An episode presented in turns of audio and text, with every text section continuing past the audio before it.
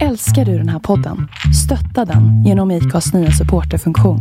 Det är helt upp till dig hur mycket du vill bidra med och det finns ingen bindningstid. Klicka på länken i poddbeskrivningen för att visa din uppskattning och stötta podden. Mom deserves the best, and there's no better place to shop for Mother's Day than Whole Foods Market. They're your destination for unbeatable savings, from premium gifts to show-stopping flowers and irresistible desserts. Start by saving 33% with Prime on all body care and candles. Then get a 15-stem bunch of tulips for just $9.99 each with Prime. Round out Mom's menu with festive rosé, irresistible berry chantilly cake, and more special treats. Come celebrate Mother's Day at Whole Foods Market. What is the source?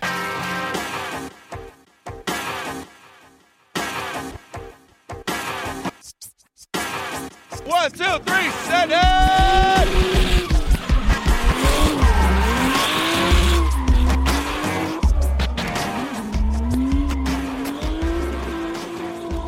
Välkomna till ett nytt avsnitt av Driftpodden med eh, mig, Henrik Andersson. Vid min sida har jag såklart Christer Hägglund. Välkommen! Jajamän, tack så mycket. Vi har trängt in oss här i poddstudion igen. Ja, det är mysigt. Trevligt. Det är väldigt, väldigt, väldigt familjärt i vår studio här. Jajamän. Eh, podden är gjord av Driftzone, som ni borde förstått vid det här laget. Eh, dagens avsnitt kommer att vara av teknisk karaktär. Vi kommer att gå igenom väldigt mycket om de tekniska reglerna som vi har fått ta på. Lite grann från svenska, lite grann från Formula Drift och lite grann från Driftmasters. Mm. Men även lite nyheter. Ja, det händer ju lite grejer runt om i världen. Det gör ju det. Eh, en annan grej jag tänkte jag skulle tipsa om. Våran kalender. Gå in och kolla där. Ni alla som söker efter datum på tävlingar, event och så vidare.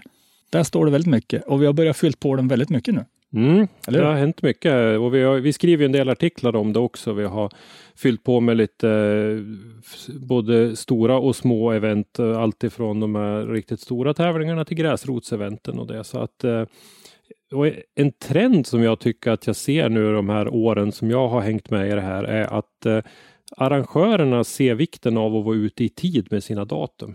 Ja, för eh, när vi skulle gå in i säsongen 2018 till exempel, då var det inte alls den här framförhållningen utan eh, då, då kom vissa med sina datum ganska sent. Nu så, så ser man att man måste vara ute i tid och, och få, för att muta in sitt område, boka upp sina helger liksom. Så att eh, en, det har hänt ganska mycket där tycker jag de senaste två, tre åren. det är en bra utveckling för att eh, föregående åren har det varit väldigt svårt att lägga upp en planering. Som vi då till exempel när vi måste planera våra vart vi ska åka, vart vi ska vara och så vidare. Precis, och då är det ju samma för förarna naturligtvis också. Ja, ja. Oh, ja. Men ska Mm. vi börja med ett eh, litet nyhetssvep då? Ja, det kan vi väl göra. Det händer ju lite grejer som sagt. En, en vä- väldigt stor nyhet som landade i fredags. Vem har tagit över den irländska driftserien? Mm, den irländska tävlingsdriftingen. Det var ju Ed Power som eh, många känner igen som eh, sidekick till eh, Dave Egan som ju var den som ägde serien tidigare då kan man ju säga. Som eh, Ja, det, ska, ja. ska driva det här. Han har ju varit med.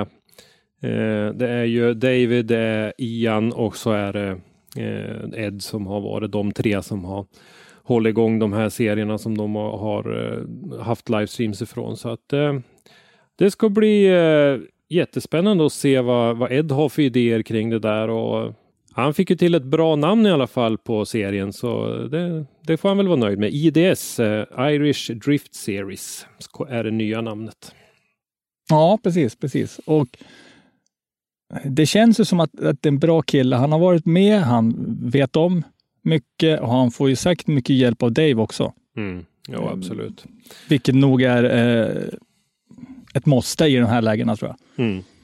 Det, här Eh, med, det enda, enda, eh, ja, enda negativa jag, jag kan se här, det är livestreamen. ja, Det blir ingen livestream 2020. Nej, det blir det inte. Det är lite synd faktiskt. Eh, jag vill inte lämna det här med namnet helt och hållet. Vi, vi kanske ska förklara varför uh, Drift Games har ju, heter ju serien nu senaste säsongen här. Och eh, Drift Games då, David Egan bland annat och Kian Leonard och, och gänget, de kommer ju att köra vidare fast inte med tävlingsdrifting utan det kommer att bli gräsrotsevent och liknande. Så att eh, det är därför som, som de eh, inte släpper sitt namn så att säga. Och IDC då, som var ju ett ganska, eh, eller ganska, det var ett väldigt väl inarbetat varumärke tidigare, Irish Drift Championship.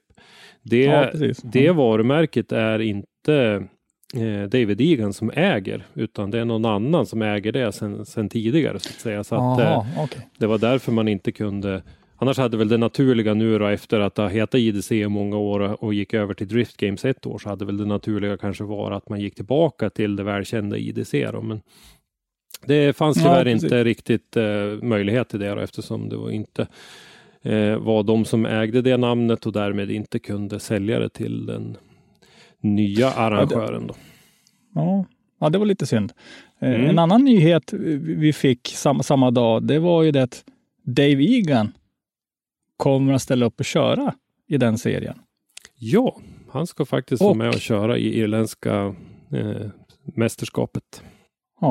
Och inte bara det, utan ett helt team, vad jag förstod det. Ja, Det var fler förare. Så det är också en intressant grej. Mm. Ja, det, det blir och sen så fick vi ju en nyhet om honom eh, någon dag tidigare också att han kommer att vara vice VD i bolaget som arrangerar Driftmasters. Ja. Så att Och eh, jag- det händer mycket där. Jag tror, jag tror också det är precis, precis som, som vdn säger då att eh, Dave är ju så pass driven eh, framåt och vill utveckla.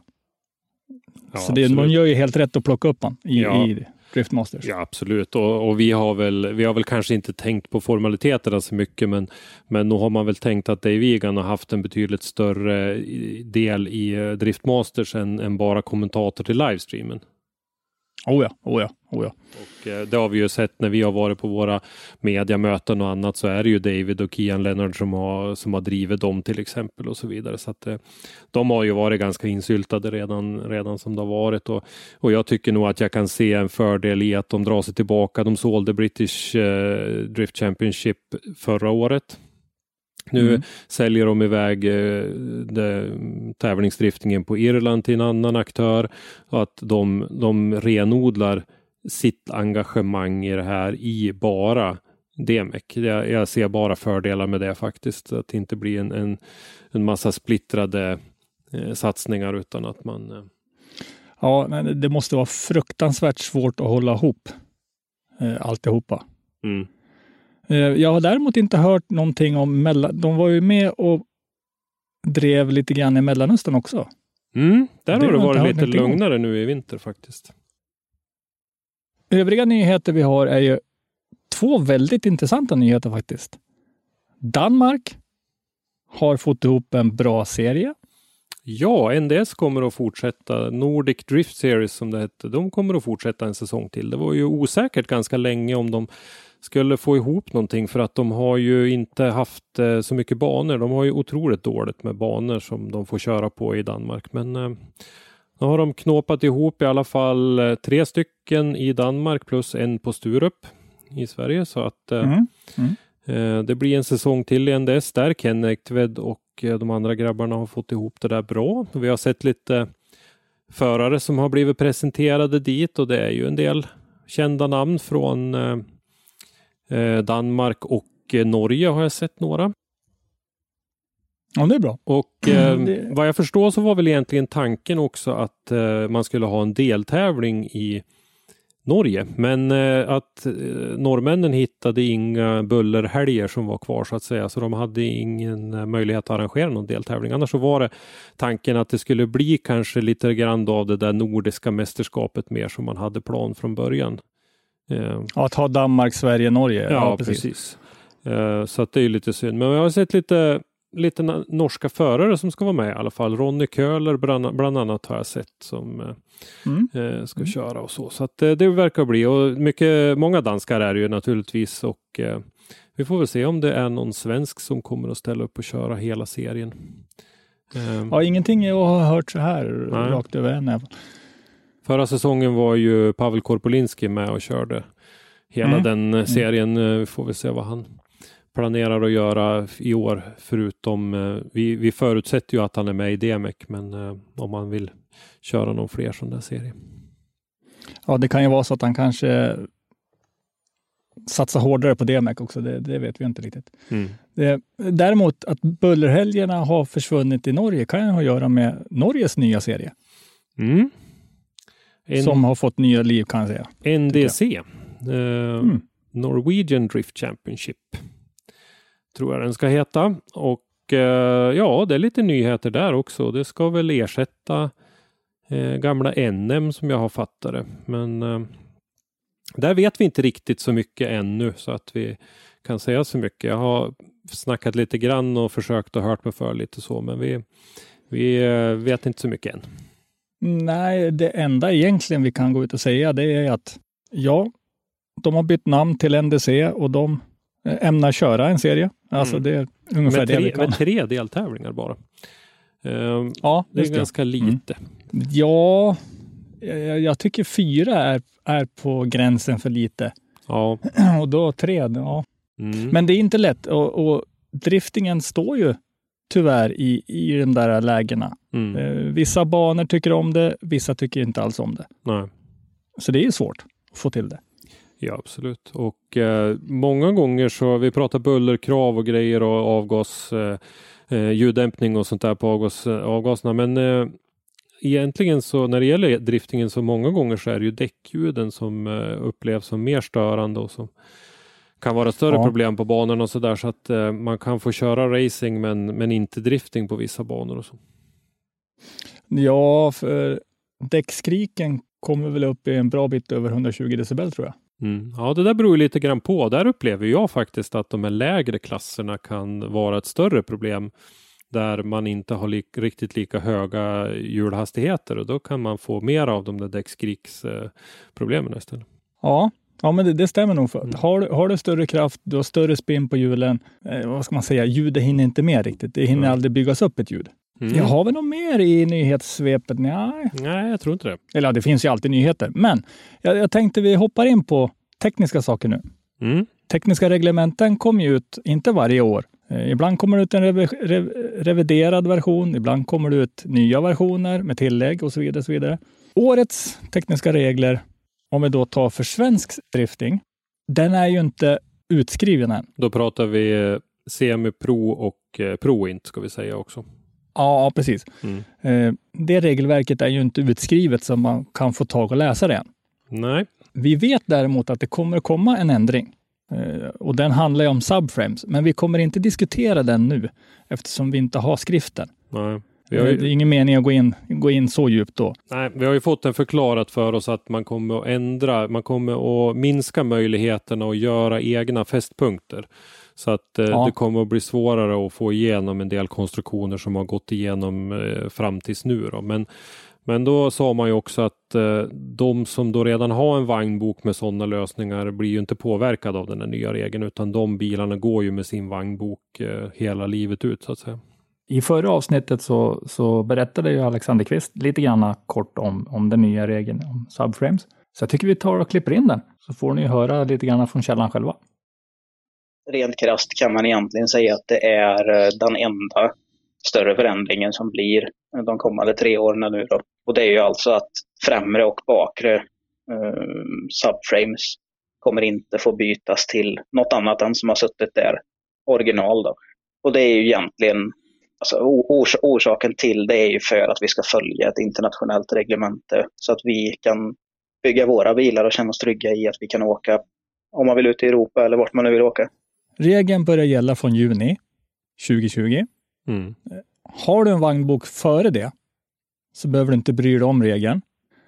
Om du bygger nytt nu och tänker skaffa vagnsbok efter juni, då måste du följa den här regeln. Ja, precis. Så att eh, är det så att du har en, en sån där konstruktion på gång så bör du ju kolla upp det och eh, i så fall då försöka att snabba på och bli klar under maj månad så att du kan få en vagnbok, vagnsbokbesiktning eh, under maj och, och, och klara det där. Ja, precis. Nu, nu vet jag inte riktigt om det är många som gör stora förändringar på just subframen bak. När vi, när vi pratade om det så, så fick ju jag uppfattningen om att det inte var så jättevanligt. Vi vet att Jocke Anderssons eh, Merca kombi hade någon, någon sån där lösning som kanske skulle bli ett problem då om han hade byggt den nu och skulle behöva en ny vagnbok som togs som exempel där. Men, men mm. eh, sannolikt så är det väl inte ett jätteproblem så att, och så har man ju ändå eh, ja, möjligheten att besikta nu då fram tills eh, att regeln börjar gälla. Okay. Men visst, ja. eh, visst kan man väl tycka att det är ett litet problem att vi är i januari och eh, eh, det tekniska reglementet för den kommande säsongen inte finns ute på papper. Det, det, det är ju inte riktigt bra naturligtvis, men nu försöker man ju då att komma runt det här lite grann genom att man ska frysa det tekniska reglementet nu i tre säsonger framöver. Och, eh, ja, men jag tror det är bra att ja, kunna göra så. Med en öppning för att om det kommer säkerhetsmässiga uppdateringar i eh, de överliggande tekniska reglementena och de europeiska reglementena till exempel så, så, finns det en möjlighet att föra in dem. Men i övrigt så ska man inte göra några förändringar och det tror jag är bra och då kan man ju hoppas att de tekniska eh, reglement eller regelförändringarna då, som ska in om tre år att de är klara om två år. Så att eh, när, man, när, vi har, ja. när vi går in i off-season efter eh, den tredje säsongen så är det tekniska reglementet redan klubbat på våren innan så att vi vet vad som kommer att gälla då från ja, år fyra då så att säga. Ja, för att jag menar, det är inte ekonomiskt försvarbart att behöva bygga om bilen varje år heller.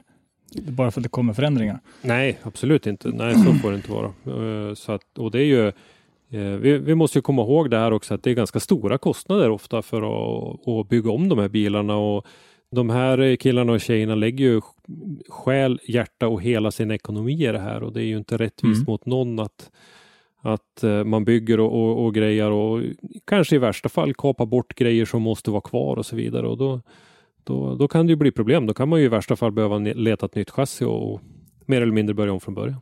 Ja, det kan ju bli helt ödesdigert totalt det är SPF, det, det, är väl där bollen ligger. Eh, de måste ju gå igenom skriften, godkänna, mm. eh, revidera om det behövs, skickas tillbaks, fram och mm. tillbaks innan kommer till skrift. Så det, det, det är en lång process. Det ja, det är en lång process, men desto viktigare är det att starta igång den i tid. Så att det, det jag menar liksom är att årets reglemente ska inte klubbas nu, utan det skulle ha klubbats i, i januari, februari förra året. Ja, och då kanske och kommit ut gälla nu. under våren så att säga. Ja, ja. Så, så man har eh, ja, precis haft ett år på sig och byggat innan det egentligen träder i kraft. Ja. Men eh, det finns utmaningar i det där som vi inte känner till. Det, det är alltid lätt att sitta på bänken och gnälla, men vi, jag, jag, jag ser eh, vissa problem det och jag, jag vet att en del förare hör av sig till oss och frågar lite sådana där grejer ibland. Då. Mm. Jo, det men, händer. Det händer. Det som, som vi fick det förklarat då, då så skulle det vara den enda i princip den enda förändringen som ska komma i årets reglement. Ja, ing, det skulle inte vara någon revidering av text, ingen ny skrivelse, ingenting, utan det var den regeländringen bara. Mm. Sen så vet så det är i och för sig bra. Ja, och sen vet jag att det pratas om att man inte ska ha ett eget svenskt reglement, utan vi ska bara klippa ett eh, NES-drift till exempel, bara köra deras rakt av eller någonting för att verkligen säkerställa att eh, de eh, bilarna som byggs här får tävla utomlands. Ja, precis. Så att vi får ett gemensamt tekniskt reglemente kan man säga. Ja, och det har ju varit liksom... lite, det har ju funnits lite skillnader däremellan. Nu, nu tar jag det här ur minnet, men eh, jag vill minnas att första gången jag träffade Fredrik Sjödin till exempel så pratade vi lite grann om det där att hans BMW, alltså den som Martin Freid kör nu, eh, som den var byggd egentligen då så fick den inte tävla i SM för då var den byggd enligt Drift Allstars och senare Drift GP enligt det tekniska reglementet och då, ja, då uppfyllde ja. den egentligen inte helt och hållet kraven i SM. Eh, den var ju bättre på alla sätt men, men det var vissa grejer som var annorlunda och inte godkända. Så, att, eh, så det, det är ju synd att man ska hamna i, i, i sådana tveksamheter. Nu är, det här är ju några år sedan nu, så det här har vi ju rättat till sedan dess, men det var ett, ett exempel på hur det inte får bli. Ja, precis. Och sen så har vi ju, utskottet har ju velat arbeta bort det. Det, det har de sagt flera gånger. Ja, precis. Och det har man ju gjort också. Så att, eh, ja, ja. Men, men ett alternativ då som kanske pratas om nu, det är att vi klipper ett, ett annat reglemente rakt av istället. Liksom. Ja, men bara man tar då ett som är stort. Ja, men ta till exempel Driftmasters eller NES. Mm. Och då känns ju Och- NES eh, var närmare till hands eftersom det är FIA eh, sanktionerat så att säga. Och det, Ja, så att, så det reglementet borde ju då också även gälla eh, FIA-tävlingarna. Mm. Ska vi lämna Sverige och hoppa in på Formula Drift då? Mm. Vi har ju lite nyheter där. Ja, det har vi. Vi eh, nämnde väl det här lite grann vill jag minnas i julavsnittet tror jag det var.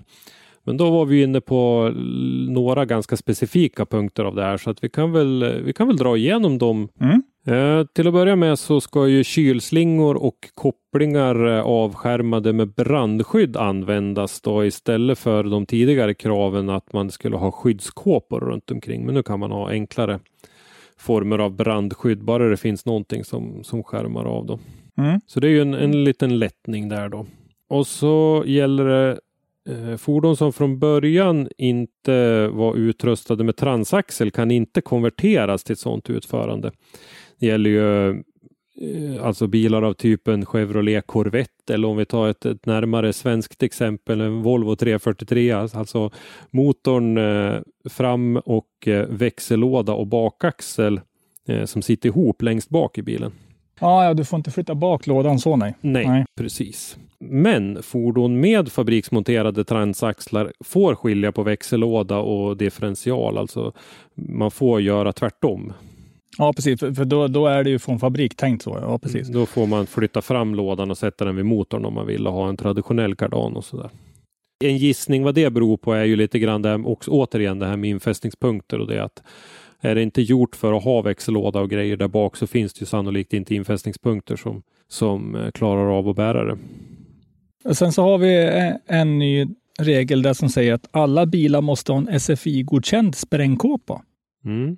Och den här finns väl, om inte jag minns helt galet, så finns ju den i tekniska reglement i Sverige. Ja, det finns ju någon liknande variant i alla fall. Eller en Jag vet, sprängmatta kanske det var. ja, jag vet inte riktigt om, ja men det är nog liknande, men eh, jag vet inte om det här, eh, om den måste vara SFI-godkänd. SFI är ju en, en organisation i USA som eh, en oberoende organisation Ja. som godkänner eh, den här typen av säkerhetsutrustning. Alla bilar måste även då ha ett SFI-godkänt brandskydd kring växelspak och växellänkage. Ja, det kan man ju förstå, för sprängs det där under så kommer det komma upp igenom. Mm, precis, där tänker jag mig lite grann vi såg eh, den dramatiska situationen i höstas här när eh, Joa Pöytelaxos eh, motor gick sönder på eh, Mantorp Park i Gatubil Drift Series. När, eh, vi, vi har ju ett par fotografer som fick bild på när, precis när det där hände och man ser vilket eldhav det blir kring bilen. Att man förstår att Mm. det kan ju bli ett jätteproblem om, om de där eldslågorna slår upp i, i, i kupén. Ja du, usch. Det kan inte vara kul att sitta i bilen då när det händer. Alltså. Nej, verkligen inte. Eh, En annan regel, eller en nyhet. eh, Kameror med bildskärm som går att se inne i bilen är strikt förbjudna. Mm. Det är eh, det man kan se med sina egna ögon och med backspeglar som är det man får hålla sig till. Ja, det är det här med backkamera och grejer. Ja.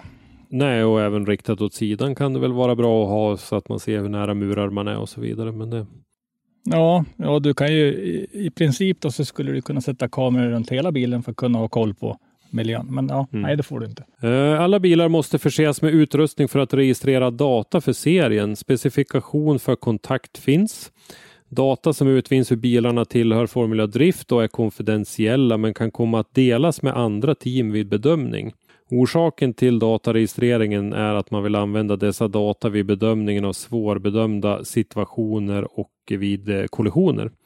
Om till exempel då ett, ett, ett eget exempel är att om, om leadföraren har bromsat eller tappat sin eh, framdrivning precis innan eh, kollisionen.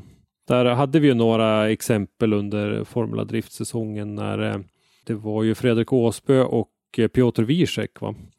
Där eh, Mm. Wiesek körde på eh, Åsbö. Där var det ju lite diskussion om det hade hänt någonting med Fredriks bil och så att han hade tappat lite fart och det var därför eh, Wiesek kom åt honom så att säga och så där. Och, och det då ska man kunna använda den här datan för att kunna kolla sådana grejer. Ja, det vill jag minnas. Det har ju varit en väldigt stor diskussion kring just den här regeln som kommer nu. Mm. Där då Chris Fosberg får sig många kängor. Ja, han är tacksamt byte när det gäller diskussioner om det där. Han eh, är ju känd för sina provbromsningar eller vad man ska kalla det för. Och eh, det, det är väl en sån grej då som man ska kunna se om det händer när man har möjlighet att titta på de här data. Hur tänker de där då? Ja, i och för sig, då, då, kan de ju se på datan då om han bromsar i en zon där domarna sagt att här får du inte bromsa. Ja, precis. För, Eller inte bör bromsa då, så att säga. Exakt, och det, för det är, ju, det är ju ganska svårt att se, även om Formula Drift är ju en serie som har väldigt många kameror och så där runt banan. Så I all den här röken och det så kan det ofta vara ganska svårt att se. Så att eh, man får ett lite tillförlitligare sätt att skaffa sig en uppfattning om vad som hände precis innan kollisionen. För vi tror väl att det är ju i samband med, med sådana händelser, lite mer extraordinära händelser som man kommer att använda det här. Det är ju inte i, i varje battle under en tävling. Nej, för det lär väl vara ganska svårt att få den här datan i realtid. Ja. Eh, jag har svårt att tro att det kommer ske så snabbt. Utan de tar väl upp det om det blir diskussioner. Sannolikt så är det så. Men det där lär vi väl få se i, i Long Beach eh, på premiären här i april så får vi se hur det blir med det där. Ja. ja det var ganska intressant att läsa just eh, i den här tråden där då motorstyrningskillar kom in och så sa de så här, ja men alltså du kan ju i princip bygga upp ett styrningsprogram för allting. Mm. Som då säger att har du den här hjulvinkeln, då vill jag ha så här mycket gas. Mm. Då vill jag ha så där mycket, mycket styrning på bakhjulen och så vidare. Och så vidare. Mm. Nej men absolut finns det ju sådana möjligheter och skulle du då köra, vi säger att eh, James Dean och Piotr Wiesek då som är två killar som kör i samma team som är jätteduktiga.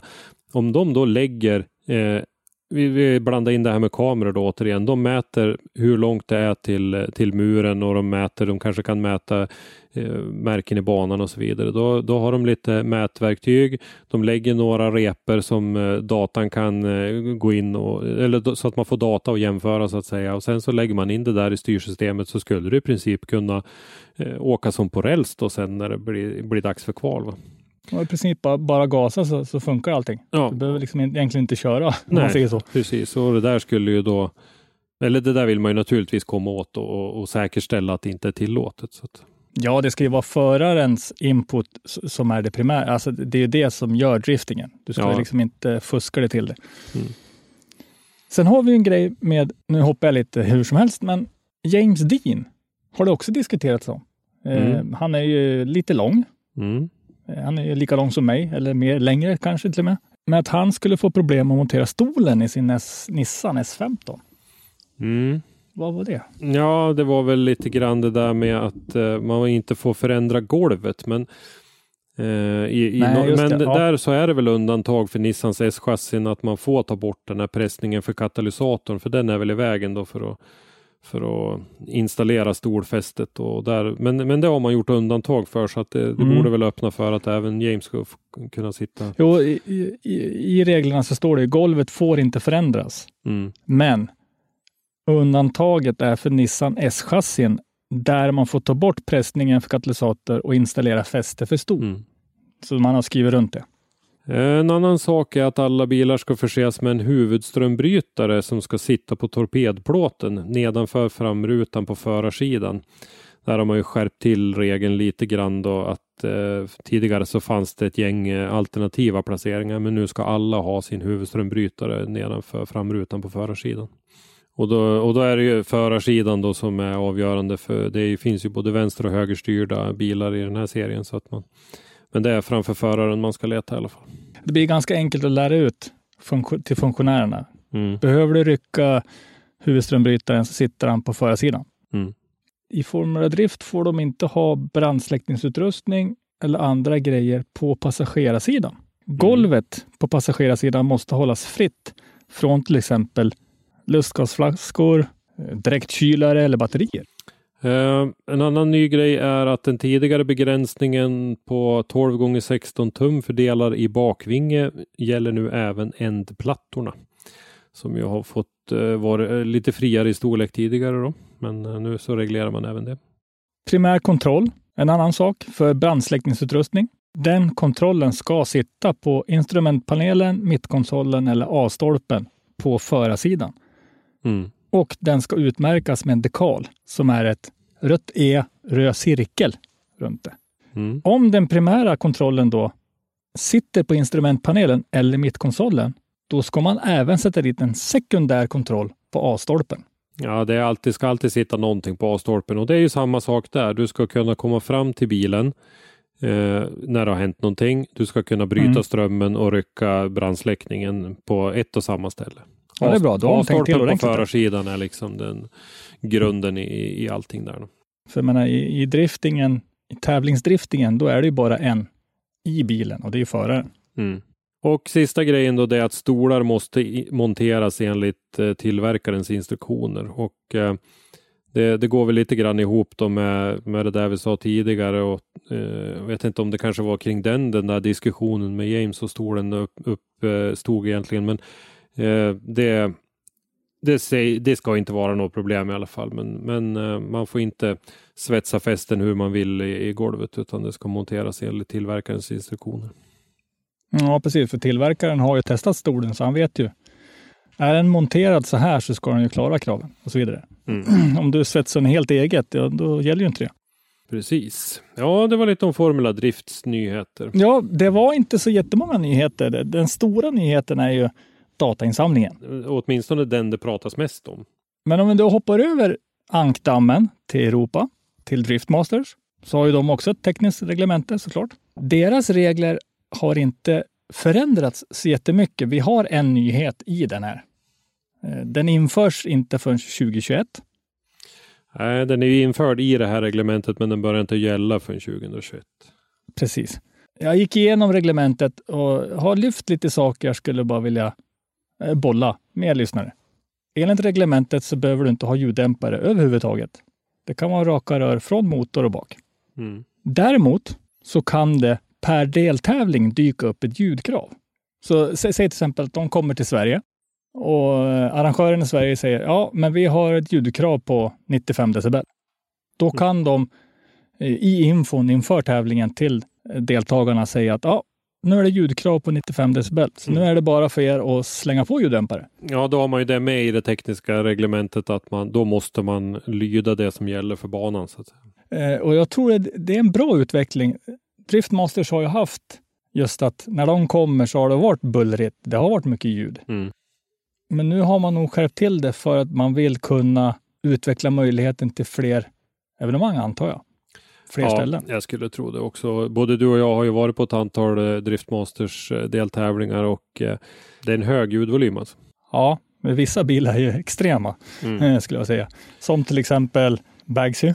Mm. Där är väl, det är ju Nascar.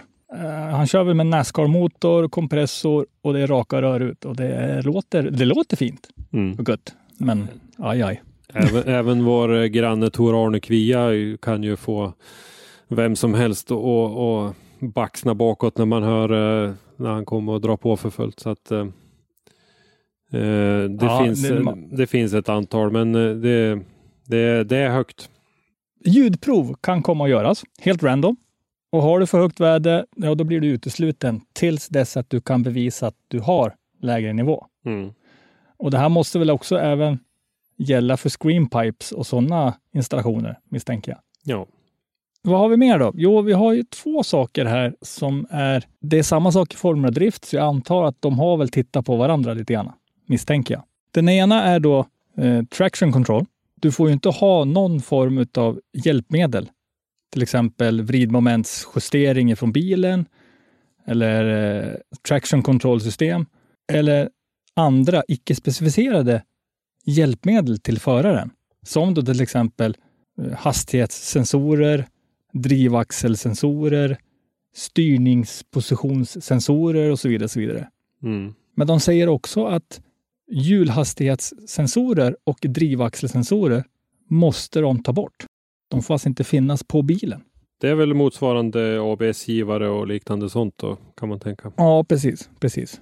Nästa grej i, i de här reglerna, det är DMEC kan komma att kräva att vissa eller alla installerar ett datainsamlingssystem i bilarna. Mm. Precis som det är i Formula Drift. Då. Mm. De har inte sagt att de kommer införa det, men de har skrivit in det så att de kan införa det om det finns ett behov för det. Då. Ja, det där ser väl jag egentligen bara som ett, eh, ett eh, sätt att säkerställa att man får göra det. För, för vad jag kan förstå så är det väl egentligen de här uppgifterna de söker är väl egentligen inga problem att hämta ur styrsystemet vad jag kan förstå. Nej, nej jag har också förstått att alltså, det är inte svårt att fixa det. Det är väl, det är väl tillägg som, ja, men som vet du, mappningskillarna fixar Mm. i alltså, programvaran. Man vill skriva in det i reglerna så att man vet att man har rätten att, kräva ut det i alla fall. Ja, för, för det är så att står det inte i reglerna så kan ju inte du som arrangör komma och säga att det här, det här ska vi fixa. Utan då måste det klubbas igenom, skrivas in, Mm. tid måste gå för att det ska införas. Och så, ja.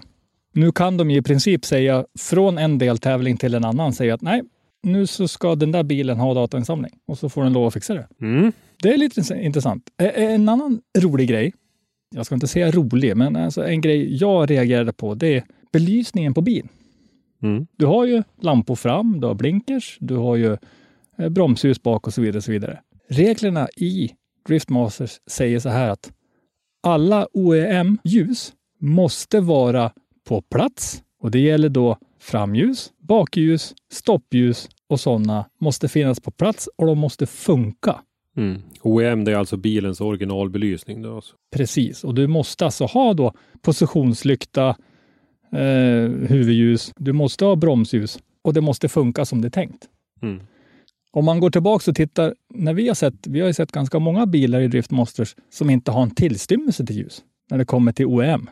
Jag vet faktiskt inte riktigt vad, eh, när den här regeln infördes, men jag tycker mig nog ha sett ett antal som inte har det. Att, eh, ett exempel är ju de uppföljbara eh, huvudstrålkastarna på S13. Nissan S13 där man istället sätter någon liten LED-stripp eller någonting så att man inte behöver köra och ha huvudstrålkastarna uppfällda. Men Ja, precis, en, ja. enligt det här regelverket då så skulle ju det inte vara tillåtet. Det här är ju inte angivet som någon nyhet i år. Nej, nej, nej. Det står inte att det är någon ändring eller ny text eller någonting. Mm. Du får inte ha alltså ljus som, är, som har strobfunktion bakåt. Det, du får alltså inte ha en grej så du kan dra på så flashar rött eller någonting bakåt. Det får inte finnas. Klart rimlig regel kan jag tycka. ja, det tycker jag också. Eh, du får inte ha röda eller orangea ljus framåt. Ja, det, det är också uppenbart. Men sen så skriver de också att framljusen, om de placeras om eller modifieras, så måste detta bli godkänt av den tekniska inspektionen. Mm. Ja, men det i och för sig så öppnar vi upp lite grann där då för de här utbytena som jag pratade om S13 till exempel. Så att det kanske man gö- gör och, och får det godkänt på tekniska inspektionen så, så är det lugnt. Också att du får inte använda någon form av utrustning som gör att du kan stänga av bromsljus på något sätt. Mm. Eh, Du måste ju ha en, en broms LED-lamplist i framrutan högst upp. Eh, Den får du ju inte så du kan switcha av den, utan den måste ju funka alltid. En annan grej som, som jag reagerade på när jag läste den, det var att det, det såg man framförallt i, i Tyskland när jag var där. Eh, under Chase-rundorna så var det ju många som hade, eller många, det var flera stycken som hade sådana extra ljusramper på taket eller i fronten på bilen och de Mm. löser väldigt kraftigt. Ja, just det. Och lyser Nu- då kanske in i, i leadbilen. Och det de har skrivit in i regeln, som står i regeln, det är att det får inte användas när de kör chasen. Nej, under tävlingar där det är mörkt då. Ja, eh, under kvällstävlingar eller nattävlingar. Då. Ja, men det känns väl också ganska rimligt. Ja, precis. precis.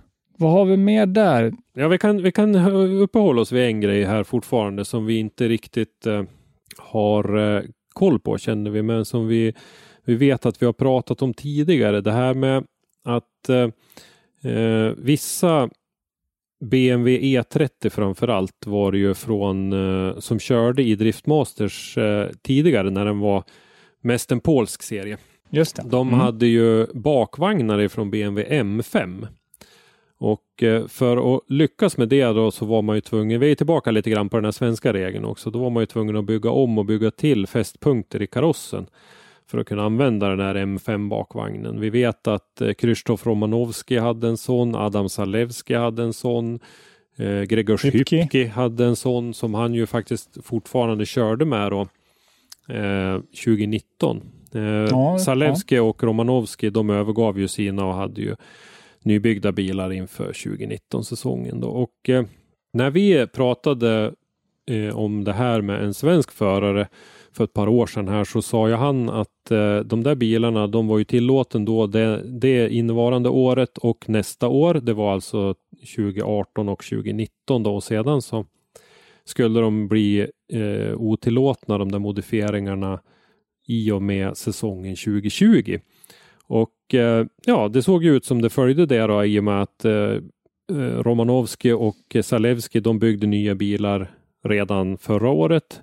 Medan mm. eh, Hypke han fortsatte att köra med sin.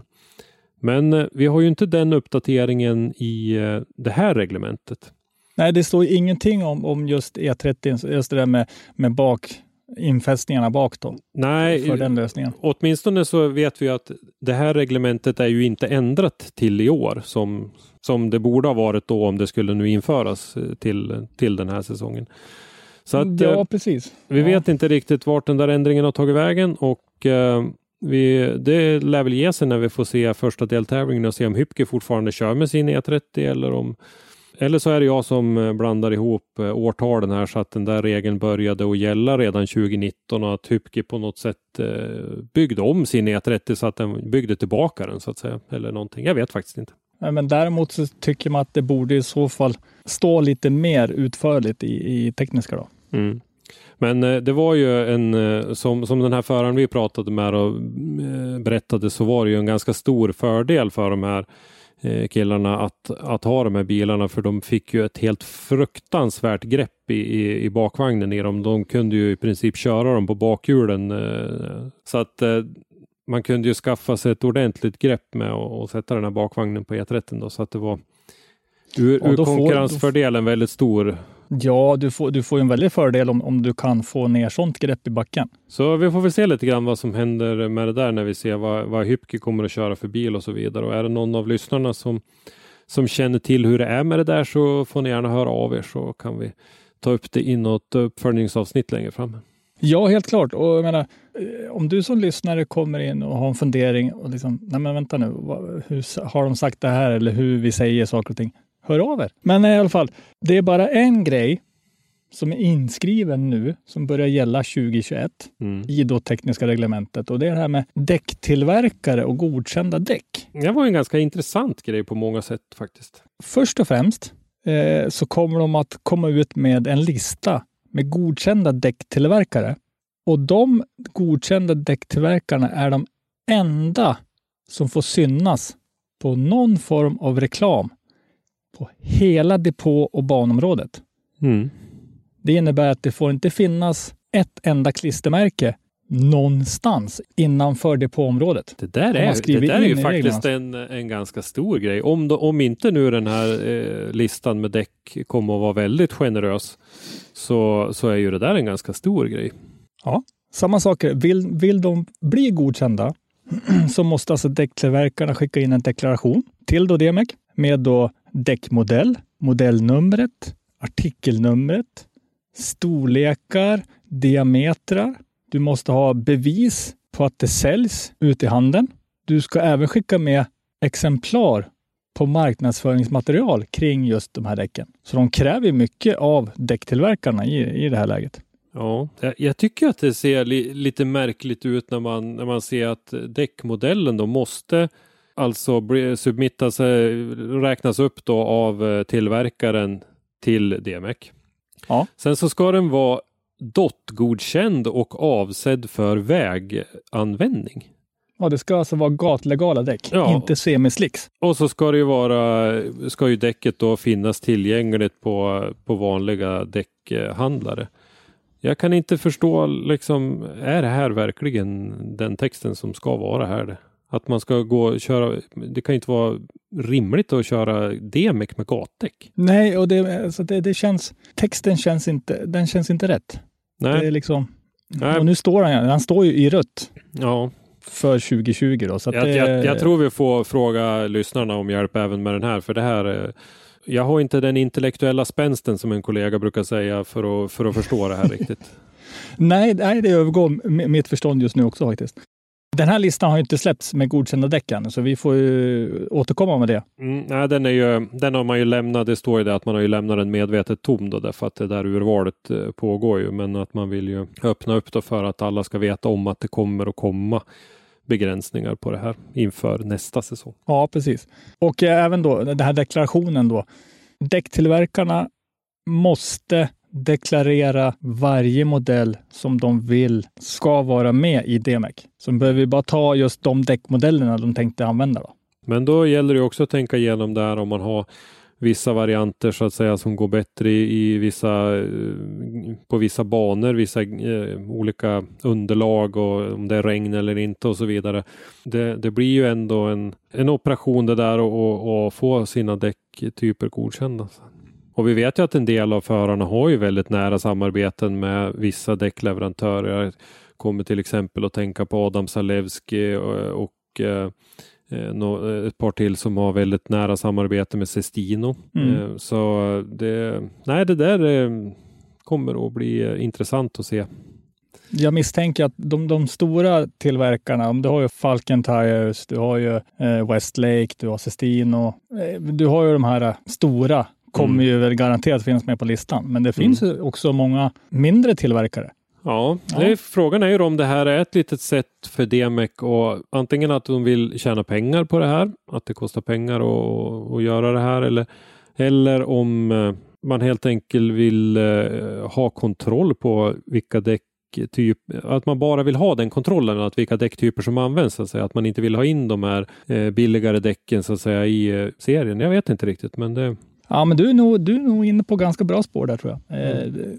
just för, för att eh, jag hittade en annan text i det här alltså, som beskrev att de kan ta däckprov mm. och kolla då sammansättningen på däcken och sånt där. Så det gäller ju också att eh, när man har anmält ett däck att man håller sig till till den eh, typen och inte bara eh, anmäler ett däck och sen så håller man på att blanda lite grann ändå som man vill. Utan det, jag vet faktiskt inte heller hur pass vanligt eh, det är att, att någon har ett så nära samarbete med någon däckleverantör att man håller på att prova lite olika däckgummiblandningar och sånt där. Det, det vet jag faktiskt inte. Men, Nej, man... jag tror inte det finns någon, inte sån utstuderad sak. Nej. Det har jag inte hört talas om. Nej. Nej. Nej. men det finns ju i alla fall eh, styrmedel för det där i reglerna här att de kan eh, då kan man ju som, som förare då kan ju jag komma och, och claima att de ska ta två av dina däck och kolla hur de är och så där om de uppfyller de här eh, kraven som är satta från början och är det där det däcket eh, du och din däckleverantör anmälde att ni skulle använda? Ja, precis. De kan ju lämna in en sån protest. Ja. Att, eh, jag såg att eh, min, min mottävlare bytte till annan, annat fabrikat.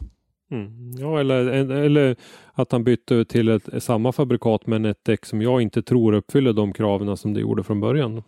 Eh, samma sak har de också skrivit in i reglerna att du får inte beskära däcken. Mm. Har, du, har du till exempel slicks eller semislicks så kan du ibland skära och ändra mönster lite grann för att det ska funka bättre. Mm. Eh, sånt får du alltså inte syssla med. Det skulle vara intressant att få en kommentar kring det där och vi får väl se. Vi ska väl försöka åka på några DMEC-tävlingar under eh, säsongen här och se om vi kan få någon liten kommentar kanske av någon av eh, de eh, inblandade där. Det skulle vara jätteintressant att få lite mer bakgrund kring den här regeländringen. Ja. Jag tror, jag, jag sitter inte just i, i, i den här sekunden så sitter jag inte och jagar folket, men jag sitter och jagar folket i DMEC för att jag vill ha lite svar på vissa av de här antydningarna de gör i, i texterna. Då. Mm. Och det är, det är de tekniska killarna inom DMEC då, som jag vill mm. prata med. Vi skulle ju kunna prata med någon förare också som eh, är och har varit med länge så kan man väl se om om de ser något problem med det där eller vad som, för det kan ju vara så att det har kommunicerats ut till förarna att eh, alla, som, alla däck som är aktuella på griden idag kommer att bli med i den här listan så att ni behöver inte oroa er. Det är alla, alla kommer att vara med. Men vi vill inte ha in några nya eller någonting. Man vet ju inte, det kan ju ha kommunicerats sånt eh, tidigare vid några förarmöten och, och sådär. Mm. Ja, det är helt klart värt mycket uppföljning. Mm. Men man tycker det här med, med dekaler och, och kläder och, och, och, det här liksom att du får inte ens ha en dekal på bussen i, i eh, depån. Liksom. Det, det är ganska tuffa tag. Ja, till och med, ja, men, du, du har en keps på dig som, som bara, nej, nej, nej, ta av dig kepsen. det var en väldigt hög nivå på det där tyckte jag. Mm. Men Ja. det, var, det var vad vi hade om, om, om de tekniska reglementena som vi vet om nu. Mm. Det, det kan ju alltid förändras, det kan ju alltid tillkomma saker, men inte i årets. Utan då måste de skrivas in för att komma senare. Då. Och eh, vi kan väl säga när du sa att vi, vi jagar eh, Driftmasters. Vi har ju fått lite kontakt också med eh, Ed Power som vi nämnde som kommer att driva den här irländska serien och vi kommer att försöka att få med honom i någon form i podden. Så vi ska se bara när vi kan få våra scheman att stämma ihop så ska vi försöka att prata lite grann med Ed och höra vad hans eh, målsättning är för den eh, nya irländska serien IDS. Då. Det kommer bli ett intressant avsnitt. Mm. Det kommer inte minst att bli intressant att höra om jag förstår hans irländska dialekt. ja, jag, jag vill påminna mig, nu, nu blir det lite en sån här flashback då. Eh, vi, vi står i Greinbach. Ja, jag anar vart det här är på väg. Vi, vi står i Greinbach. Eh, tävlingen avslutad, podiumet avslutat och vi får tag på Dwayne McKeever. Christer står där och börjar prata med han, spelar in samtalet och Dwayne McKeever pratar med irländsk accent och vi förstår ingenting när vi kommer tillbaka till hotellet vad han säger. Nej, nej jag, jag fick spela upp det där åtskilliga gånger innan vi kunde enas. Eh, Det var du och jag och Björn Billsten och, och innan vi kunde enas om vad han troligen svarade på frågan. Ja, det, var, det var roligt faktiskt, måste jag säga. Mm. Ja, nej, vi skulle se. Ed är väl lite lättare att förstå kanske än vad Dwayne är så att eh, vi får hoppas att det går bra. Jag tror ju även det är så att om man eh, ringer upp, eh, man ska vara med i podd, så tror jag att han förstår ju att han kanske måste ändra sitt tal. Ja, precis. Och eh, då får ni väl ursäkta den eh, fina skolengelskan jag kommer att bjuda på, men det, det, det får ni höra då. Jag tror det kommer bli alldeles bra. Men det är alltså en, en påminnelse om att det kommer komma intressanta avsnitt om det. Mm.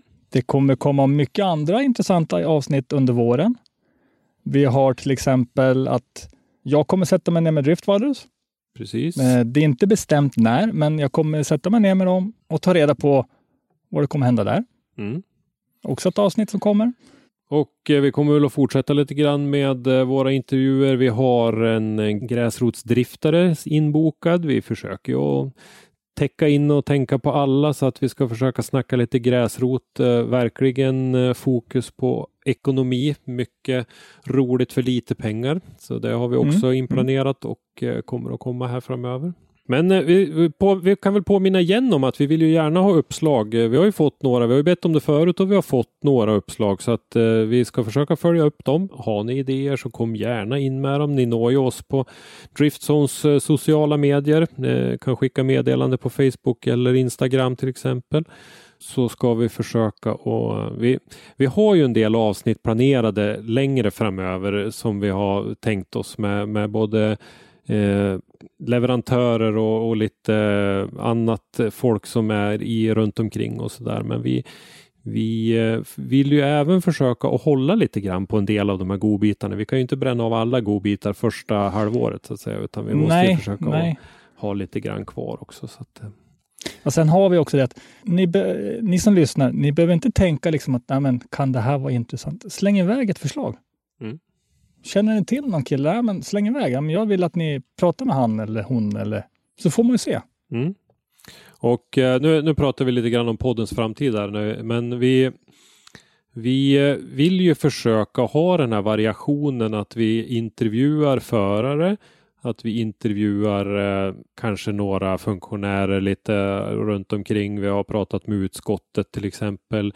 Eh, lite annat sånt där folk som hör runt omkring. Men, men även att vi har varvat det lite grann med de här avsnitten som, som det här nu när du och jag sitter och diskuterar Mm. grejer här i studion och, och sådär. Så att vi, vi kommer att försöka att blanda upp och, och göra lite olika grejer. Så att eh, när det kommer ett nytt avsnitt av Driftpodden så ska man inte vara helt säker på att det alltid är en intervju med en förare så att säga. Även fast vi vet att de avsnitten är väldigt uppskattade. Då, våra kära lyssnare, så har ni hört mig och Christer suttit och pratat om det tekniska reglementet. Ni har hört lite grann om framtiden. Ni har hört lite grann om vad som kommer att komma. Och med det så vill vi bara önska er en fortsatt trevlig start på året. Vi hörs i nästa avsnitt. Ha det bra! Hej då! Tack för att du har lyssnat. Lyssna gärna på våra tidigare avsnitt och glöm inte att ge oss betyg i din podcastapp. Besök oss på driftzone.se eller i sociala medier för dagliga nyheter. Vi heter Driftzone på de flesta plattformar. Om du har ett ämne eller en gäst som du vill att vi tar med i Driftpodden så skicka oss ett meddelande på våra sociala medier eller skicka ett mejl till oss.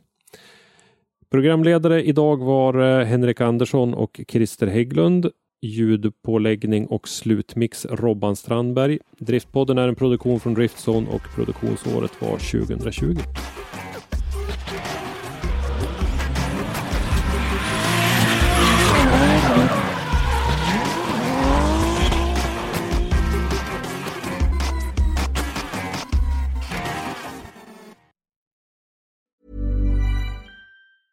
Mom deserves the best, and there's no better place to shop for Mother's Day than Whole Foods Market. They're your destination for unbeatable savings, from premium gifts to show-stopping flowers and irresistible desserts. Start by saving 33% with Prime on all body care and candles. Then get a 15-stem bunch of tulips for just $9.99 each with Prime. Round out Mom's menu with festive rosé, irresistible berry chantilly cake, and more special treats. Come celebrate Mother's Day at Whole Foods Market.